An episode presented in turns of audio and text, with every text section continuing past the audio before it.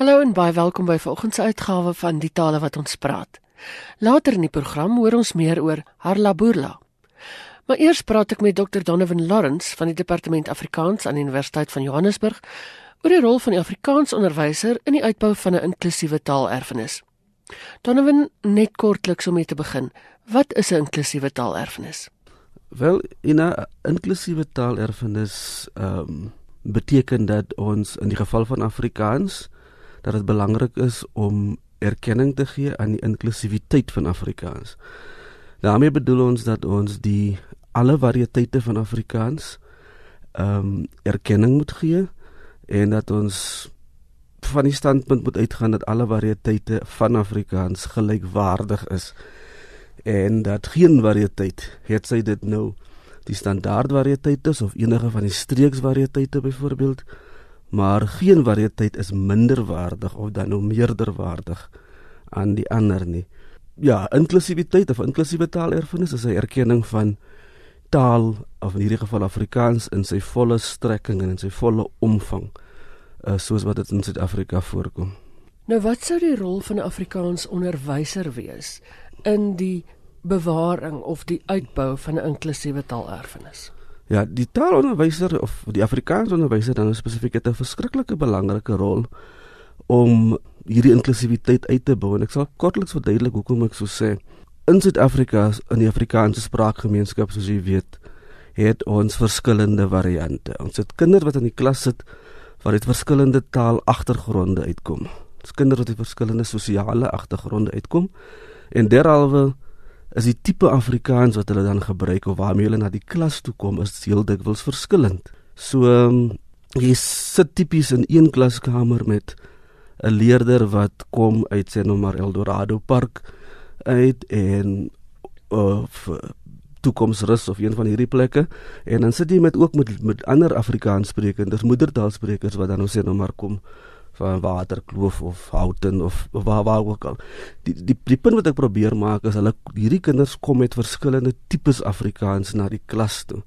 En in die klas is, is tradisioneel het ons gewoond geraak daaraan dat die die die Afrikaanse klas spesifiek is die plek of die ruimte waar 'n mens verwag die standaard variëteit van Afrikaans gebesig moet word. So wanneer die kinders in hulle mondeling doen of praat in die klas of wanneer hulle skrif skryfwerk doen, dan word daar verwag dat hulle die formele standaard variëteit behoort te gebruik.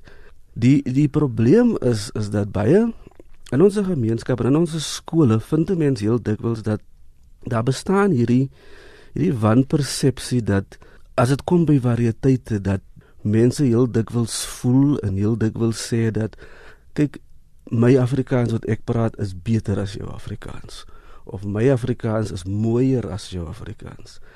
En selfs in sommige gevalle tot uiterstes waar mense, waar kinders of dan leerders van mekaar dan kan sê dat my Afrikaans wat ek praat is reg en joune is verkeerd. Nou, dis hierdie wanpersepsie waarvan ek praat wat wat problematies is waar my kinders heeldik wil skole toe kom, klaskamers toe kom, waar die taal en Afrikaans onderwyser behoort aan te spreek sodat want uiteindelik as ons praat van 'n inklusiewe taalerfenis dan praat ons van is 'n ruimte wat geskep moet word waar almal alle Afrikaanssprekendes hulle self tuis voel spesifiek dan in die klaskamer. So niemand in die klaskamer wat Afrikaans sprekend is behoort te voel dat my Afrikaans is minder waardig omdat dit anders klink of omdat ek my woorde op 'n ander manier uitspreek of omdat ons bepaalde ander uitdrukkings het en dis meer. So in daardie konteks het jou Afrikaans onderwyser 'n besonder belangrike rol om te speel. Watter uitdagings is daar um in terme van waarskynlik boeke, voorgeskrewe boeke en al die ander? Ja, kyk, ehm um, die Afrikaans onderwysers soos wat dit staan, het bepaalde middele tot sy beskikking. Goed, so uit 'n kurrikulum dokument, hy of sy het 'n kurrikulum dokument, daar het 'n handboek en natuurlik is daar nou voorgeskrewe werke soos dramas en poësie en tegbundels en dis meer. Nou dit hang in 'n groot mate af tot watter mate hierdie middele wat hy of sy tot sy tot hulle beskikking het, tot watter mate hierdie middele die onderwyser in staat stel om hierdie inklusiwiteit waarvan ek praat om dit uit te bou. So byvoorbeeld jou kurrikulum dokument nasionale kurrikulum dokument of wat alom bekend staan as die CAPS dokument in jou kurrikulum dokument baie duidelik heel voor in die in die beleidsdokument word daar baie duidelik en pertinent gestel dat daar die die beginsel van die dokument is een van inklusiwiteit en alle variante variëteite van Afrikaans behoort erken te word en dis meer en dis meer. So dit staan daar in teorie is dit daar. Dis nie 'n probleem nie. En en dis reg en dit hoort so. Nou kom mense byvoorbeeld nou as jy kyk na na handboeke byvoorbeeld. Nou as 'n mens die taalhandboeke wat 'n mens deesdae in Afrikaanse klaskamers kry, moet vergelyk met die taalhandboeke wat ek toe ek in die laat 80s as Afrikaans onderwyser begin skool hou het wat ek destyds gebruik het en jy vergelyk daai twee tipes handboeke met mekaar dan is dit baie duidelik dat ons regtig waar baie goed en baie mooi gevorder het van wat eens 'n baie eksklusiewe tipe van benadering was tot nou toe wat ons baie oulike handboekreekse deesdae het in skole gebruik word wat baie duidelik en baie eksplisiet inklusief is. Uh, miskien moet ek dit verduidelik wat wat ek bedoel. Kyk in die in die in die laat 80s veral was jou tipiese taalhandboeke was geskryf deur wel oorwegend deur wit Afrikaner mans as mense dit nou so wil stel. En uit die aard van die saak het was die inhoudelike van van hierdie tipe van taalhandboeke was redelik eksklusief. In die sin dat byvoorbeeld die die taal ges, die geskiedenis van Afrikaans wat weergee was en hier dink ek nou aan daai dik groen Afrikaans met taal wat ons destyds op hoërskool gebruik het. Die die geskiedenis van Afrikaans wat daar weergee word byvoorbeeld is is verskriklik eensaidig en in party plekke heeltemal verwring en en eintlik nie waar nie. Die die die tekste wat destyds gebruik was was baie verteenwoordigend net van een deel van die Afrikaanse spraakgemeenskap. Jy weet die goed soos die die onderwerpe wat ons gekry het vir opstelle destyds. Toe ek in matriek was of op hoërskool was, toe moes ek nou maar skryf oor goed soos 'n besoek aan die wildtuin. Jy weet ten spyte van die feit dat ek op die platteland groot geword het en geen idee gehad het van wat 'n wildtuin is nie. So um, redelik eensydig, redelik eksklusief, selfs op 'n eenvoudige vlak van goed soos ehm um, soos naamgewing. Jy weet uh die die die name wat gebruik word binne voorbeeldsinnetjies in 'n in 'n taaloefening, sê nou maar byvoorbeeld. Uh selfs op daai vlak, ek begin skool hou, het ek altyd wanneer ek nou vir die die hoërskoolleerders sinstrukture verduidelik en ek moet vir hulle verduidelik die verskil tussen 'n onderwerp en 'n voorwerp en 'n gesegde, dan uh is daar hierdie hoofstuk gewees in hierdie handboek wat altyd die voorbeeldsinnetjies gehad het van Piet skop die bal, jy weet, of Jan skop die bal en Sunny skop die bal en het ek altyd gewonder, jy weet, hoe kom is dit net Piet en Jan en Sunny wat die kans kry om die bal te skop. Maar deesdae as jy kyk na die nuwe handboekreekse wat deesdae um, in die klaskamers gebruik word, dan sal jy sien die groot verskywing. Jy weet want daar's soveel meer inklusiwiteit. En dit is ook nog nie met meer Piet en Jan en Sunny wat die bal skop nie, weet, maar Donovan en Sipo en Mohammed en al hierdie ouens kry kans om die bal te skop.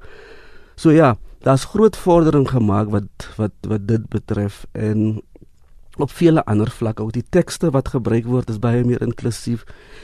Alle kinders kan redelik uh aanklank vind daarbey. So dit is goed en is reg en en mense is baie bly oor die vordering wat daar gemaak is. Dieselfde met met jou voorgeskrewe werke. Die poësie wat leerders dit wat veral op hoërskool doen deesdae is die die digters byvoorbeeld is baie meer verteenwoordigend van die Afrikaanse digters wat bestaan. So um, langs jou Breitenbergs en jou uh, Stockenstroom en en en en hierdie tipe van digters het jy ook um, Adam Small en Pieter Snyders en en en dis meer. So en so dis goed. Die kortverhale wat voorgeskryf word dieselfde daai jy kry lekker uh, wye verteenwoordiging van alle kortverhaalskrywers in Afrikaans op die oomblik. So ja, dis dis baie goed. So 'n mens vra nou vir jouself af, goed, ehm um, die kurrikulumdokument is gee blyke van hierdie inklusiwiteit die taalhandboeke wat deesdae daar is gee blyke van die inklusiwiteit. So so wat is die probleem dan? Die die, die probleem dink ek die, die of die werklike uitdaging dink ek kom in in die toepassing daarvan binne in die klaskamer. Jy weet want ten spyte daarvan dat die die die middele wat die onderwyser tot sy op sy of haar beskikking het van so aard is dat dit inklusiwiteit predik, is dit nog altyd belangrik dat die onderwyser in die oordrag daarvan seker moet maak dat hierdie inklusiewe taalerfenis uitgebou moet word. En in in my daaglikse werk wat ek doen, ehm um, kom ek heel dikwels agter dat dit nie die geval is nie.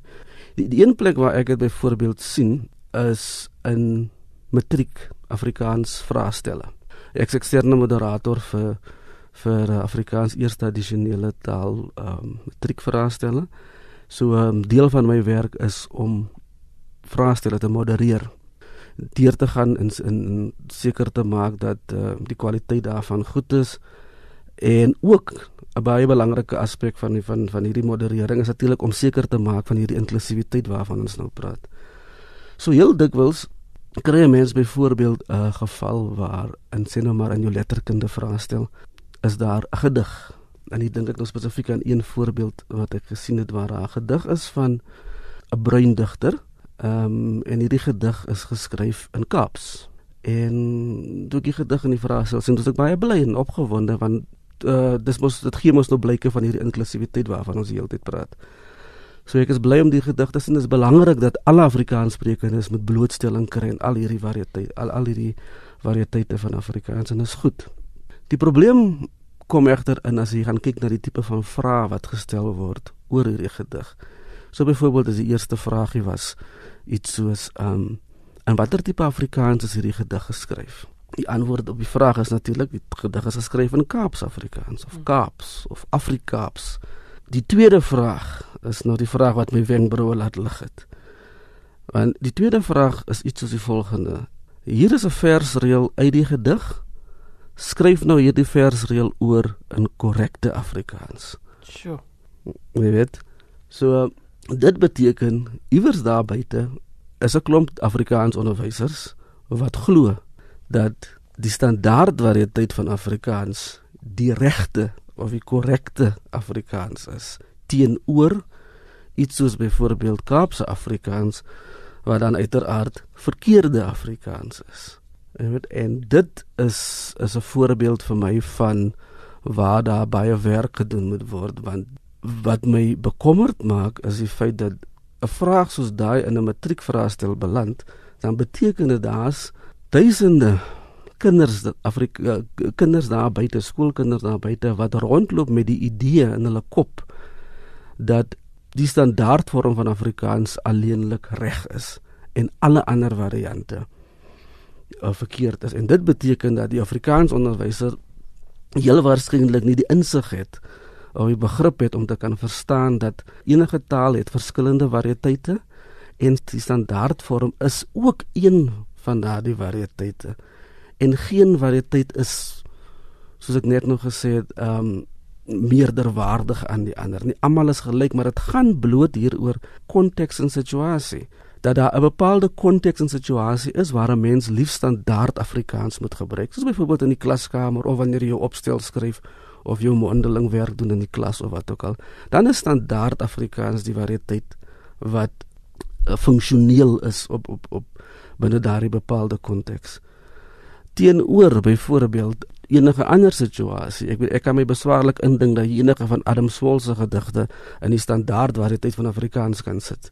Dit sal dood eenvoudig nie werk nie. Ja. Want Kaaps is is funksioneel vir daai gedig. Ja. En dis hoekom jy juis in Kaaps moet wees of of as iemand 'n boek skryf, ehm um, as jy nou vat hierdie jeugromans wat 'n mens deesdae kry wat geskryf word, wat stories vertel van van tieners en dis meer. Daai boeke is heel dikwels geskryf in jou tipiese tienertaal. Soos die boek van Jackie Nachtegaal het vir vir die punch en dis meer is geskryf in 'n tipiese tienertaal. Maar in woorde waar daar Afrikaans en Engels vermeng word en allerlei woorde uh, tipes uh, tipiese tiener Afrikaans gebruik word en dis meer, maar dis funksioneel vir die boek in vir daai konteks werk dit. As daai boek in standaard in die standaard waar dit tyd geskryf was, sou dit nie funksioneel gewees het nie want mense sal vir jou sê maar kinders praat nie so deesdae nie. Dis hoe hulle praat en dit maak dit meer funksioneel. So uh, om seker te maak dat ons onderwysers, ons Afrikaans onderwysers dit verstaan wat ek nou probeer verduidelik het. Dis een van die baie belangrike dinge vir my. Laastens, hoe gaan ons hierdie bruggie oorsteek? Hoe gaan ons dit regkry? Ja, dis 'n moeilike een. Dis 'n moeilike vraag. Is is nie heeltemal onmoontlik nie. Ehm um, die een aspek, die een deel van die oplossing dink ek lê in om in in die onderwyseropleiding, jy weet mense soos ons wat wat Afrikaans onderwysers by die universiteit oplei om seker te maak dat in hulle opleiding ons hierdie tipe van goed inskerp en seker te maak dat almal dieselfde begrip het en verstaan wat dit wat ons bedoel as ons praat van inklusiwiteit en dat ons verstaan dat daar nie iets is soos my Afrikaans is beter as jou Afrikaans of mooier as jou Afrikaans en daai tipe van ding nie. Dit dit dis die een ding. Die ander die ander hulp behoort ook te kom dink ek van jou van jou onderwysdepartement af. En dit gebeur nie altyd nie. As ek dit vir jou so vinnige voorbeeld kan gee. In die geval van opstelle byvoorbeeld, dit skrif skryfwerk wat wat leerders doen. As jy nou vir enige Afrikaans onderwyser op hierdie oomblik byvoorbeeld gaan vra wat maak hulle as 'n leerder in sy opstel streeksuitdrukkings gebruik. Hier praat ek nou nie net van streeksuitdrukkings soos 'n vermenging tussen Afrikaans en Engels wat jy in Kaaps byvoorbeeld tipies. Ek praat van tipiese streeksuitdrukkings wat mense kry in Makwalands of in Griekwa-Afrikaans of in Gauteng Afrikaans of wat ook al. En dan as jy die vraag vra, dan sal baie van hierdie onderwysers vir jou antwoord die norm vir die opstel behoort te wees die standaardvorm en omgangsvariëteit of omgangsafrikaans behoort ten sterkste vermy te word deur die in dit wat ek nou sê staan in die riglyne van die onderwysdepartement naamlik dat omgangsafrikaans vermy moet word. Wat vir my heeltemal 'n onding is want omgangsafrikaans beteken nie noodwendig soos ek sê 'n vermenging tussen Afrikaans en Engels nie. Daar is pragtige uitdrukkings wat 'n mens kry baie van ons streeks dialekte of streeks variëteite van Afrikaans. So as iemand in 'n Makwaland byvoorbeeld, ek het 'n kollega wat oorspronklik van 'n Makwaland is en hy gebruik altyd hierdie pragtige uitdrukking waar hy sê as hy nou na iemand geluister het hoe die persoon praat, dan sê jy weet ek kon nou luister hoe die ou se klein tongetjie klap. Nou dis 'n tipiese, as 'n tipiese Namakwa Namakwalandse Afrikaans uitdrukking, maar dis 'n pragtige uitdrukking en is so ja. beskrywend en treffend. Maar jy gaan dit 10 teen 1 nie in die HAT of in die of in die WAT kry of in enige formele grammatika boek nie. Maar dis 'n pragtige uitdrukking en ek is net bevrees dat as mense ehm uh, van die standpunt uitgang dat streeksvariante of streekstaal as ek dit dan so kan stel, moet heeltemal uitgesluit word en is verkeerd en dit word verkeerd gemerk in in hierdie opstel. Dan het ons 'n probleem. Jy weet want ek dink dis daai tipe van goed wat die taal ryk maak en wat die taal laat groei en so aan. So dis hoekom ek sê die onderwysdepartement in terme van opleiding van in diensopleiding van onderwysers in spesifiek Afrikaans onderwysers het het definitief hier 'n belangrike taak om te doen want iewers op 'n dag sal ons moet gaan sit en hierdie ding van net standaard Afrikaans word aanvaar in jou in jou formele skryfwerk of wat ook al. Sal 'n mens moet gaan sit en bepeins en uitpleis en by 'n punt kom waar ons 'n tipe van 'n ook 'n tipe van 'n verstandhouding het dat ons kan nie jou jou streeksvariëteite sommer net in doodgewoon uitsluit want as ons as ons nie by daai oor daai hekkies kan kom nie dink ek nie ons gaan uiteindelik by die hierdie ding van 'n inklusiewe taalerfenis, dan gaan ons dit nooit daar uitkom nie. Dit was Dr. Donovan Lawrence van die Departement Afrikaans aan die Universiteit van Johannesburg. En nou sluit ons aan by Dr. Willem Botha van die Woordeboek vir die Afrikaanse taal vir die woord van die week.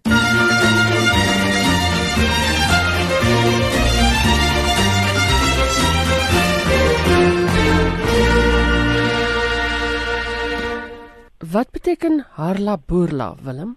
Ina harla boerla is 'n interessante woord en in Afrikaans het hy 'n paar betekenisse. Ons gebruik hom uh, as 'n selfstandige naamwoord en dan beteken dit verwarring, wanorde, rumoer, lawaai. Ek het hier op voorbeeldsinne in die WAT afgekom soos toe die polisie skielik op die toneel verskyn, het daar harla boerla geheers. Of meer 'n figuurlike sin, die harla boerla van die koerantbedryf.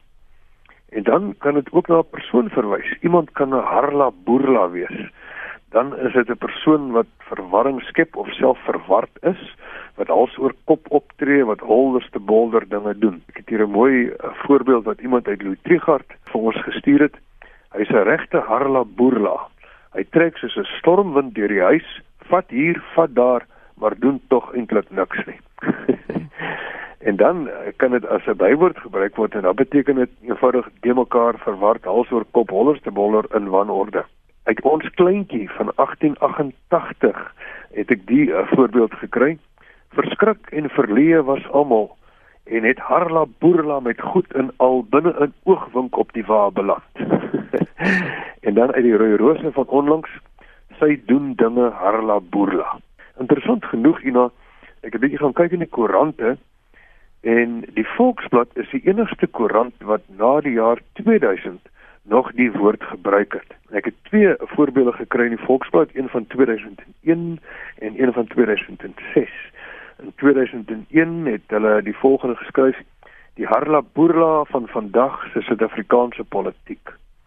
En in 2006 Die mishoring kan 'n hele harla boerla veroorsaak as dit die slag onverwags afgaan. Nou, die woord harla boerla kom eintlik uit Engels. Dis 'n vervorming uit die Engels hurly burly wat in 1539 al uh, aangeteken is. Dis eintlik 'n reduplikasie van hurling. En hurling is afgelei van hurl om te gooi, wat beteken om te gooi.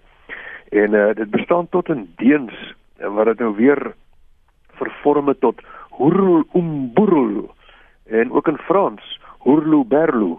En uh, interessant genoeg uh Shakespeare het dit gebruik in sy drama Macbeth. Daar in die aanvangstoneel as die drie hekse staan en brou in hulle potte, dan sê hulle when the hurly burly is done. En daarmee bedoel hulle wanneer die moord en doodslag gelewer is.